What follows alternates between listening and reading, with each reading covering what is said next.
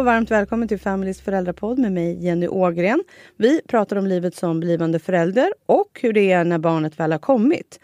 En så kallad normal graviditet är 40 veckor. Men hur är det att få barn innan graviditeten är klar? Vad händer när bebisen kommer ut för tidigt? Med mig för att prata om det här så har jag Jessica Lindman som är mamma till två enäggstvillingar, Nova och Nilla, som föddes redan i vecka 26. Ja, Jessica, era barn föddes alltså redan i vecka 26 och en tvillinggraviditet är alltid en riskgraviditet. Och du fick ju gå på flera kontroller än vad en mamma som bara väntar ett barn får göra. Hur mådde du fram till vecka 26? Jag mådde egentligen ganska bra. Ehm, det var liksom inte det som var grejen utan det som man kan säga, jag var ganska stressad. Ehm, men jag är inte den typen av människa som Eh, blir stressad så det syns. Eh, men jag hade ganska mycket att göra på jobbet och jag vet att min barnmorska påtalade flera gånger att du måste trappa ner. Min chef var på mig, du måste trappa ner. Eh, på ett av de här kontrollerna så visade det sig också att barnen var för små. Alltså att de var tillväxthämmade. en viss procent. Och, men då var man inte så orolig utan sa ja men vi kollar om två veckor igen. Men då den andra gången så var de ju oroväckande små. Och då var det ju direkt att så här, jag ringer, hon, hon, jag tror hon mätte liksom tre gånger för att verkligen säkerställa. Och det här var på kvällen. Eh, min man, dåvarande sambo då, var inte med. Och de ville ringa till, hon ringde till SÖS på en gång och ville att jag skulle åka in till läkaren. Eh, men han sa det att nej, vi, det, det går bra att vänta tills imorgon. Så jag fick en tid vid lunch på torsdagen då, den 23 april. Och eh, så ringde jag Marcus då och sa det att nu, de verkar ganska oroliga. Och jag var ganska ledsen när jag gick ut därifrån för jag kände så här, alltså de som har varit gravida vet ju att det är ju en oro och man är ju alltid orolig för att någonting ska gå fel. Mm. Um, och jag blev ledsen och jag ringde, så vet att jag åkte direkt hem till min, min bror och hans sambo. De gav mig mat och sådär och sen så var det ändå så här, bara, nej Marcus du behöver inte komma hem från Halmstad. Det, det kommer gå bra, jag kan gå på den här undersökningen själv. Och mm. han bara så här, nej jag kommer hem. Du kommer, ja. Och hur mådde du? Hade du någon känning då den dagen? Hur, eh, att du kände, mådde annorlunda på något sätt? Ingenting. Ingenting. Samma vecka hade vi bestämt att jag skulle gå ner i tid. Eh, och att jag tror att det var typ Säg att det var ett par dagar innan som jag hade stått inför hela personalen och sagt att eh, nu kommer han ta över mitt jobb och jag kommer att eh, fasa ut och bara jobba ett par dagar på jobbet och så. Så mer hann jag inte. Men jag mådde egentligen bra. Jag ska liksom inte så här, jag hade ingen aning om att de skulle komma då. När de kom. Ingen föraning eller så? Nej. Nej. Och sen då på torsdagen som du sa att det var så åkte du på den här kontrollen mm. med din man. Mm. Och eh, då satte de CTG som alltså eh, läser barnens hjärtslag egentligen. Eh, för att kolla då så att allting var bra. För det är väl det man är rädd för att, att det är ett tecken att de mår bra liksom. Förutom ultraljudet där de rör sig på sig. Och eh, de hade svårt att hitta tvilling 1 ljud. Eh, för det bröts hela tiden. Det lät som att det liksom försvann, att uh, hjärtslagen försvann. Och det kan man förklara av att det är ganska svårt att hitta två barn och i vecka 26 så är ju inte barnen särskilt stora. Mm. Och då hittar båda de här barnen som dessutom rör lite på sig och sådär. Um, så de höll på ganska länge. Och till slut så sa han så här, men herregud, du är gravid kvinna med två, har du ätit någon lunch? och jag bara, eh, nej. Eh, så bara, nej, nu går ni ut och äter lunch och så kommer ni tillbaka sen så fortsätter vi då. Och på den här lunchen så sätter vi oss bara, gud vi måste nog beställa en vagn nu. Ja. Så oh. då beställde vi den här, våran barnvagn och tänkte så här, ja men då har vi i alla fall den, för det är ändå typ 12 eh, veckors leveranstid eller någonting kunde det vara, det var ju så här jättelång väntetid. Eh, och, eh, och, då, och sen så går vi tillbaka. Och sen, det är väl då det egentligen börjar bli eh, riktigt jobbigt, för då, för de hittar ju inte ljuden det är riktigt, det är så här, och till slut så säger jag så här, nej men det är någonting som inte stämmer. Och nu är det så att vi har kontaktat sjukhusen runt omkring som tar eh, barn i vecka 26. för förlossning och eh, vi har fått svar från Huddinge att de kan ta er. Så att eh, vi, har, vi har nu kallat på ambulans som kommer köra dig med blåljus till Huddinge. Och, vad, och det är så här, alltså, du vet jag börjar nästan gråta bara man pratar ja. om det. Eh, men hur man känner då, det är helt sjukt. Alltså det är så här, vadå, så här, de kan ju inte komma nu. Det går ju inte, de är ju jättesmå. Det går ju inte, de kan inte komma nu, det är vi 26 plus 3. Eh, och jag ska åka ambulans och jag hade varit ganska lugn innan och, och personalen var helt fantastisk. De började så här embla mig Alltså med sån här kräm för att jag, jag skulle... skulle få infart där. Och jag sa att jag gillar inte sprutor hade vi väl pratat om någonting då med de här sju. Alltså du får bedövningskräm på handen? Ja men precis som barn får. Ja. men bara för, jag antar att det var för att distrahera ja. mig. De försökte ju distrahera mig i att jag liksom skulle hålla mig lugn. Men faktiskt i ambulansen då var det så att hel, alltså magen blev alltså en tredjedel så stor. För att jag, alltså det bara, jag bara krampade ihop ja. fullständigt och var ju så orolig och grät och så fick ju Marcus åka bil. Och, och han var inte runt. med i ambulansen? Nej, han fick ju ta bilen efter eh, och följa efter ambulansen, följer efter fel ambulans, sitter och gråter, försöker uppdatera våra familjer. Och, eh, ja, det är ju bara kaos liksom. Var det sirener på ambulansen? Ja. Och det är inte jätte... Nej. Det måste också varit, ja, känts eh, det var, det var jättejobbigt. Och så kommer vi ut till Huddinge och där är de faktiskt ganska lugna och sätter ju då CTG på en gång och så börjar de prata om att säga, nej men du behöver nog inte fasta längre. Det är så här, det här kommer gå bra. För då hade jag ju börjat fasta mm. efter lunchen liksom att jag fick inte dricka och äta nej. någonting om de skulle behöva söva mig eller bedöva mig eller någonting. Um, men så ångrade läkaren sig och sa det, nej förresten, vi gör några fler undersökningar innan du får någonting att dricka eller äta. Och så började, då hade jag ju dessutom fått en sån här spruta i rumpan som eh, ska då utveckla lungorna.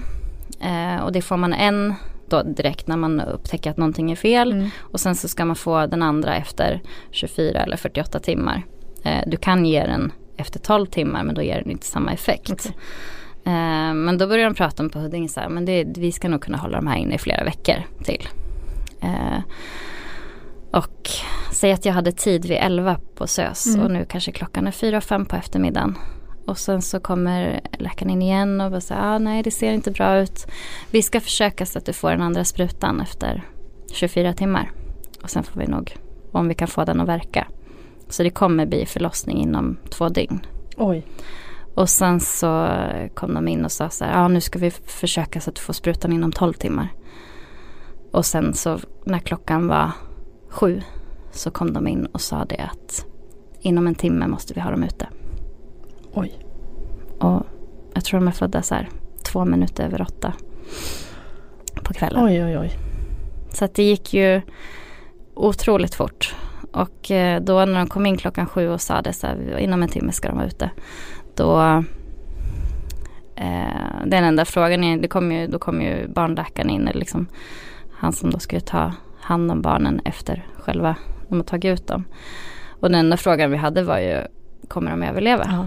Och han var ju tydlig med att så det kan vi inte garantera. Nej. De är väldigt små när de kommer ut i vecka 26 och de är inte färdiga för den här världen.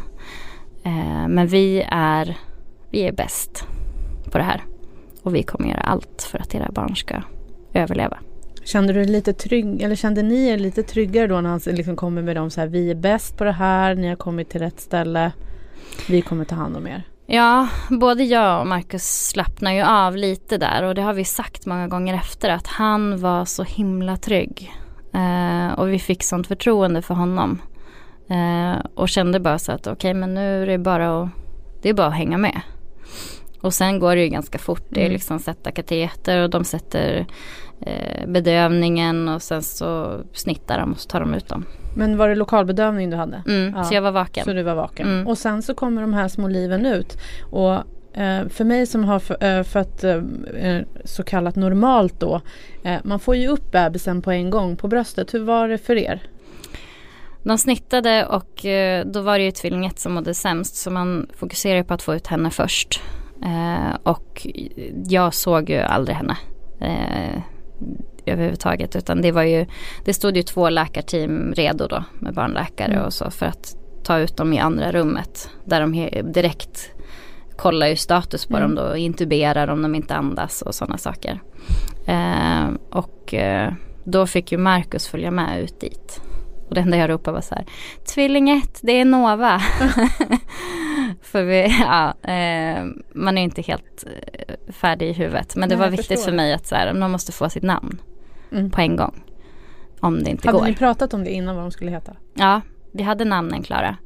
Eh, och hade väl någonstans, jag tror så här, båda hade uppfattning om att ettan var Nova men vi hade nog inte uttalat det Nej, okay. för varandra. Men vi var överens om det och så.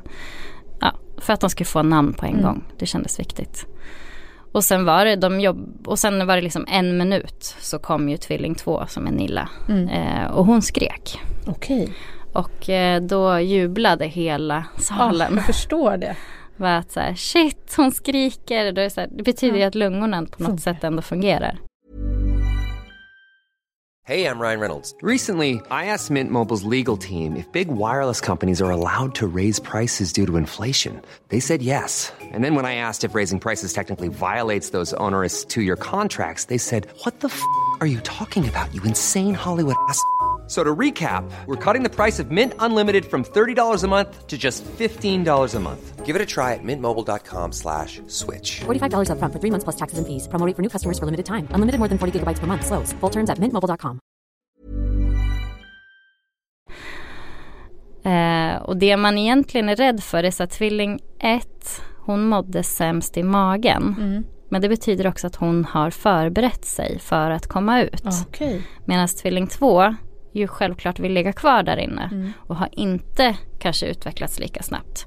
Så därför blir det oftast mer kritiskt för den andra som okay. inte vill ut. Och så var det i vårt fall också. Hon hade ju hon eh, hade svårare med andningen i början mm. och sådär. Eh, och hon eh, hamnade också efter i vikt. Hon hade ju bra vikt, eller bra vikt. De vägde ju liksom mindre än ett Nova vägde mindre än ett Bregottpaket. Så att de var ju fruktansvärt små. Men eh, hon vägde ju mer än vad Nova gjorde. Men hamnade ju efter på grund av infektioner och sådär. Kunde inte, de drog bort maten. Eh, så att eh, ofta är det de som har det svårare. Mm. Och sen så när bebisarna väl var ute så hamnar ju de till slut i kuvös antar jag. Mm. Och eh, de Fick de ligga upp... tillsammans eller? Nej, eh, på grund av att de har olika behov. För i kuvösen så är det både fukt och värme okay. som de får. För huden är ju inte utvecklad. Så att du kan ju du tänker så att du vill klappa på ditt barn. Mm. Eh, du får nudda ditt okay. barn. Men till exempel, tänk som att du, ja, men du får lägga handen på och så får du hålla handen stilla där väldigt försiktigt och sen mm. får du ta bort den. Får absolut inte stryka över huden på barnet för då gör det ont. Mm. För de har ju liksom inte, den är inte, den är inte fullt utvecklad. Så de är väldigt, väldigt känsliga för beröring samtidigt som de behöver fysisk närhet. Ja. Så alla, alla typer när man ska tvätta barnet och allting är så superförsiktigt. Och, ja, man blir ju ganska rädd att ta i sitt barn. Mm, jag förstår det. För, eller det är liksom, för mig är det att de ska gå sönder, ja. att, de ska, att det ska göra ont. Och varje gång någonting gör ont eller är skönt så slutar de andas. Oj. För att det är så man fungerar liksom i, I, magen. i magen. Att du behöver inte tänka på, eller du andas, det är liksom, allting sköter sig ja. bara. Så så fort någonting oförutsett sker så slutar de andas. Um, och det är ju det som hela prematurtiden, alltså hela tiden vi låg inne i tio veckor på sjukhus. Eh, så är det ju Alltså det är sån oro. Det är sån frustration. Det är, man vet inte om ens barn överlever nästa minut. Och det piper hela tiden. Det är liksom larm för att eh, hjärtfrekvensen går ner, syresättningen går ner. Och de ska få en massa, de får ju massor med kontroller vilket är bra men också mycket så här, du vet det är prover som ska tas eh, och du vet när de sätter olika infarter på de där små, små, små, små barnen. Och vi var ju så, vi tog ju den rollen att vi ville vara med på allt. Mm. Vi var med på nästan, nästan allt som gjordes. Och liksom, jag vet att jag stod där i sterila kläder och de skulle sätta en infart på det här lilla liksom benet. Och, äh, det, och de tog blodprov vid huvudet på henne och det bara rinner blod Ja. över hela ansiktet. Och det är så här, man får vara med om saker som är som man inte ska behöva vara med om. För att min bild av det är ju att så här, första tiden absolut att den kan vara hur jobbig som helst och det finns massor med, man får inte sova och de skriker och det är så här, men att inte ens kunna hålla i sitt barn. Det, eh, det är svårt. Det är alltså anknytningen. Mm. Just det, det är liksom man vågar inte riktigt tro att man har ett barn. Nej, jag förstår det. Det är, det är svårt för en som inte har varit med om det att ens föreställa sig hur det skulle vara eftersom man liksom direkt när man, när man inte föder för tidigt liksom får direkt kontakt med sitt barn på en gång. Liksom. Kände du under tiden när ni var på sjukhuset att ni fick ett bra stöd från omgivningen? Och att ni Eh, hela tiden visste vad det var som hände?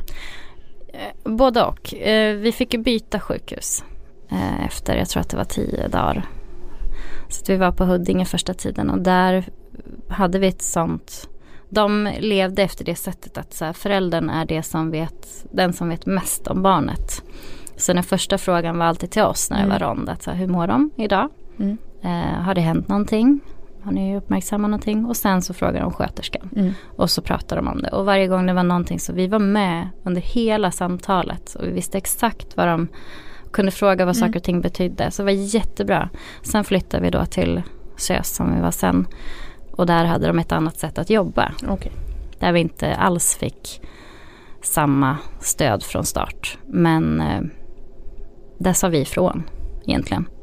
Och sa att så här, vi, det här är inte så vi har blivit behandlade innan.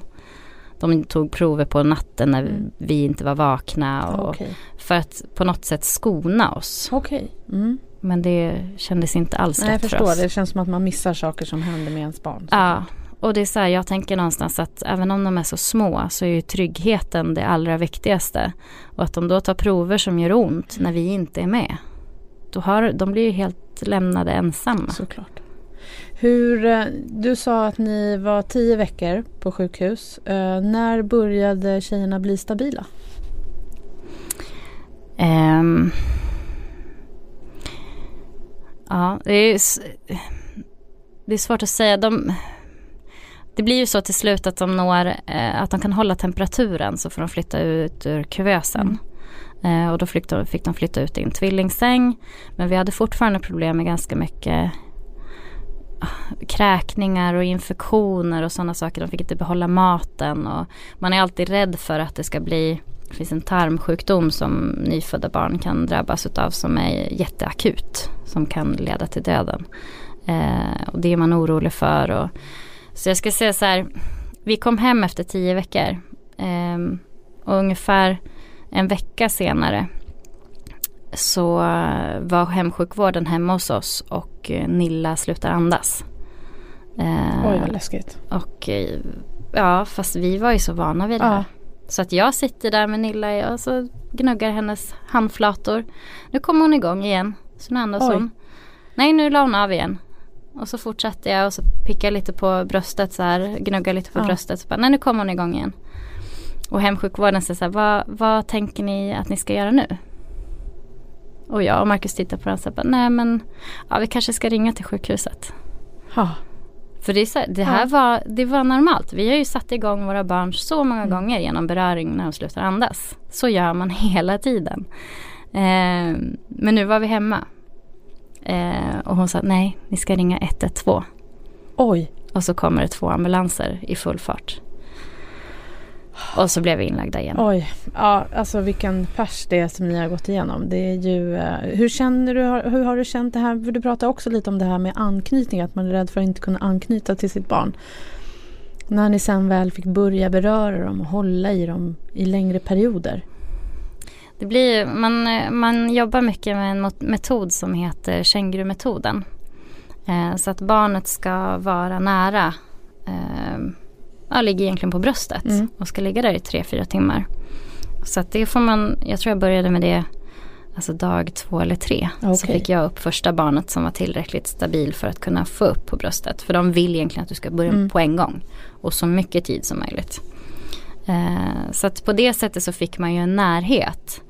Men du vet det här lilla barnet Ja. har sladdar och slangar och grejer överallt. Det krävs typ tre personer bara för att flytta barnet till ditt bröst. Ja. Och jag tror liksom man knyter ju an.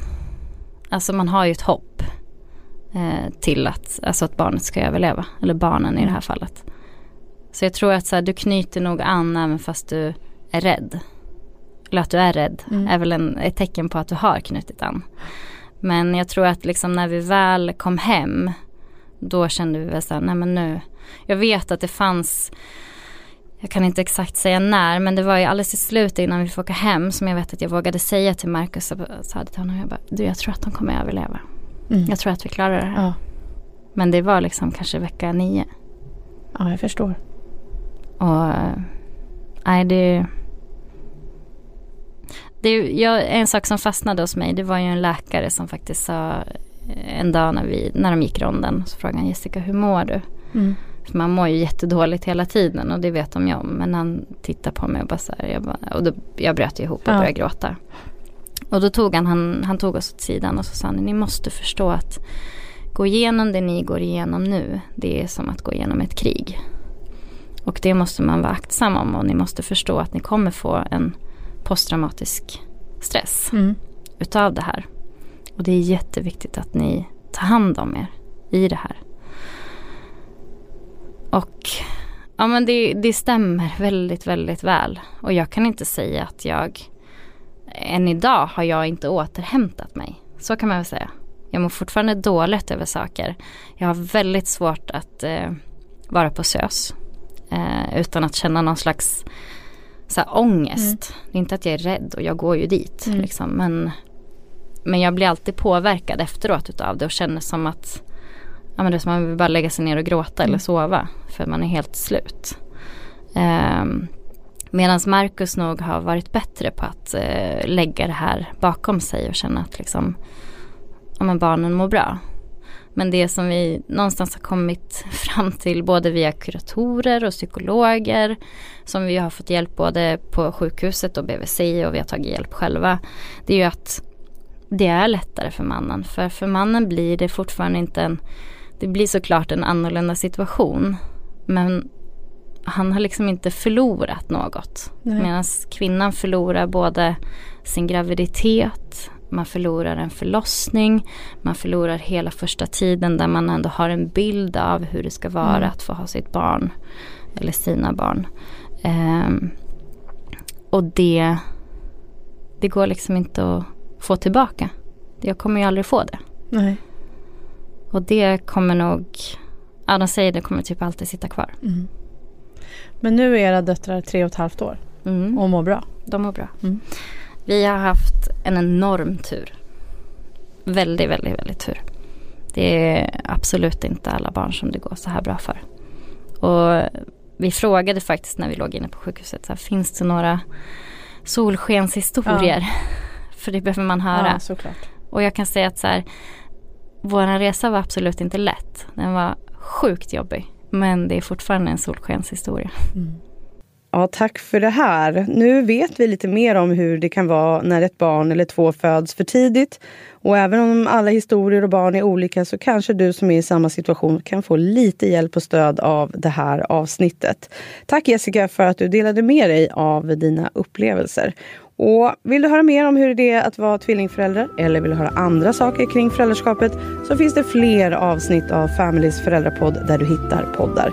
Vi hörs. Jag heter Jenny Ågren.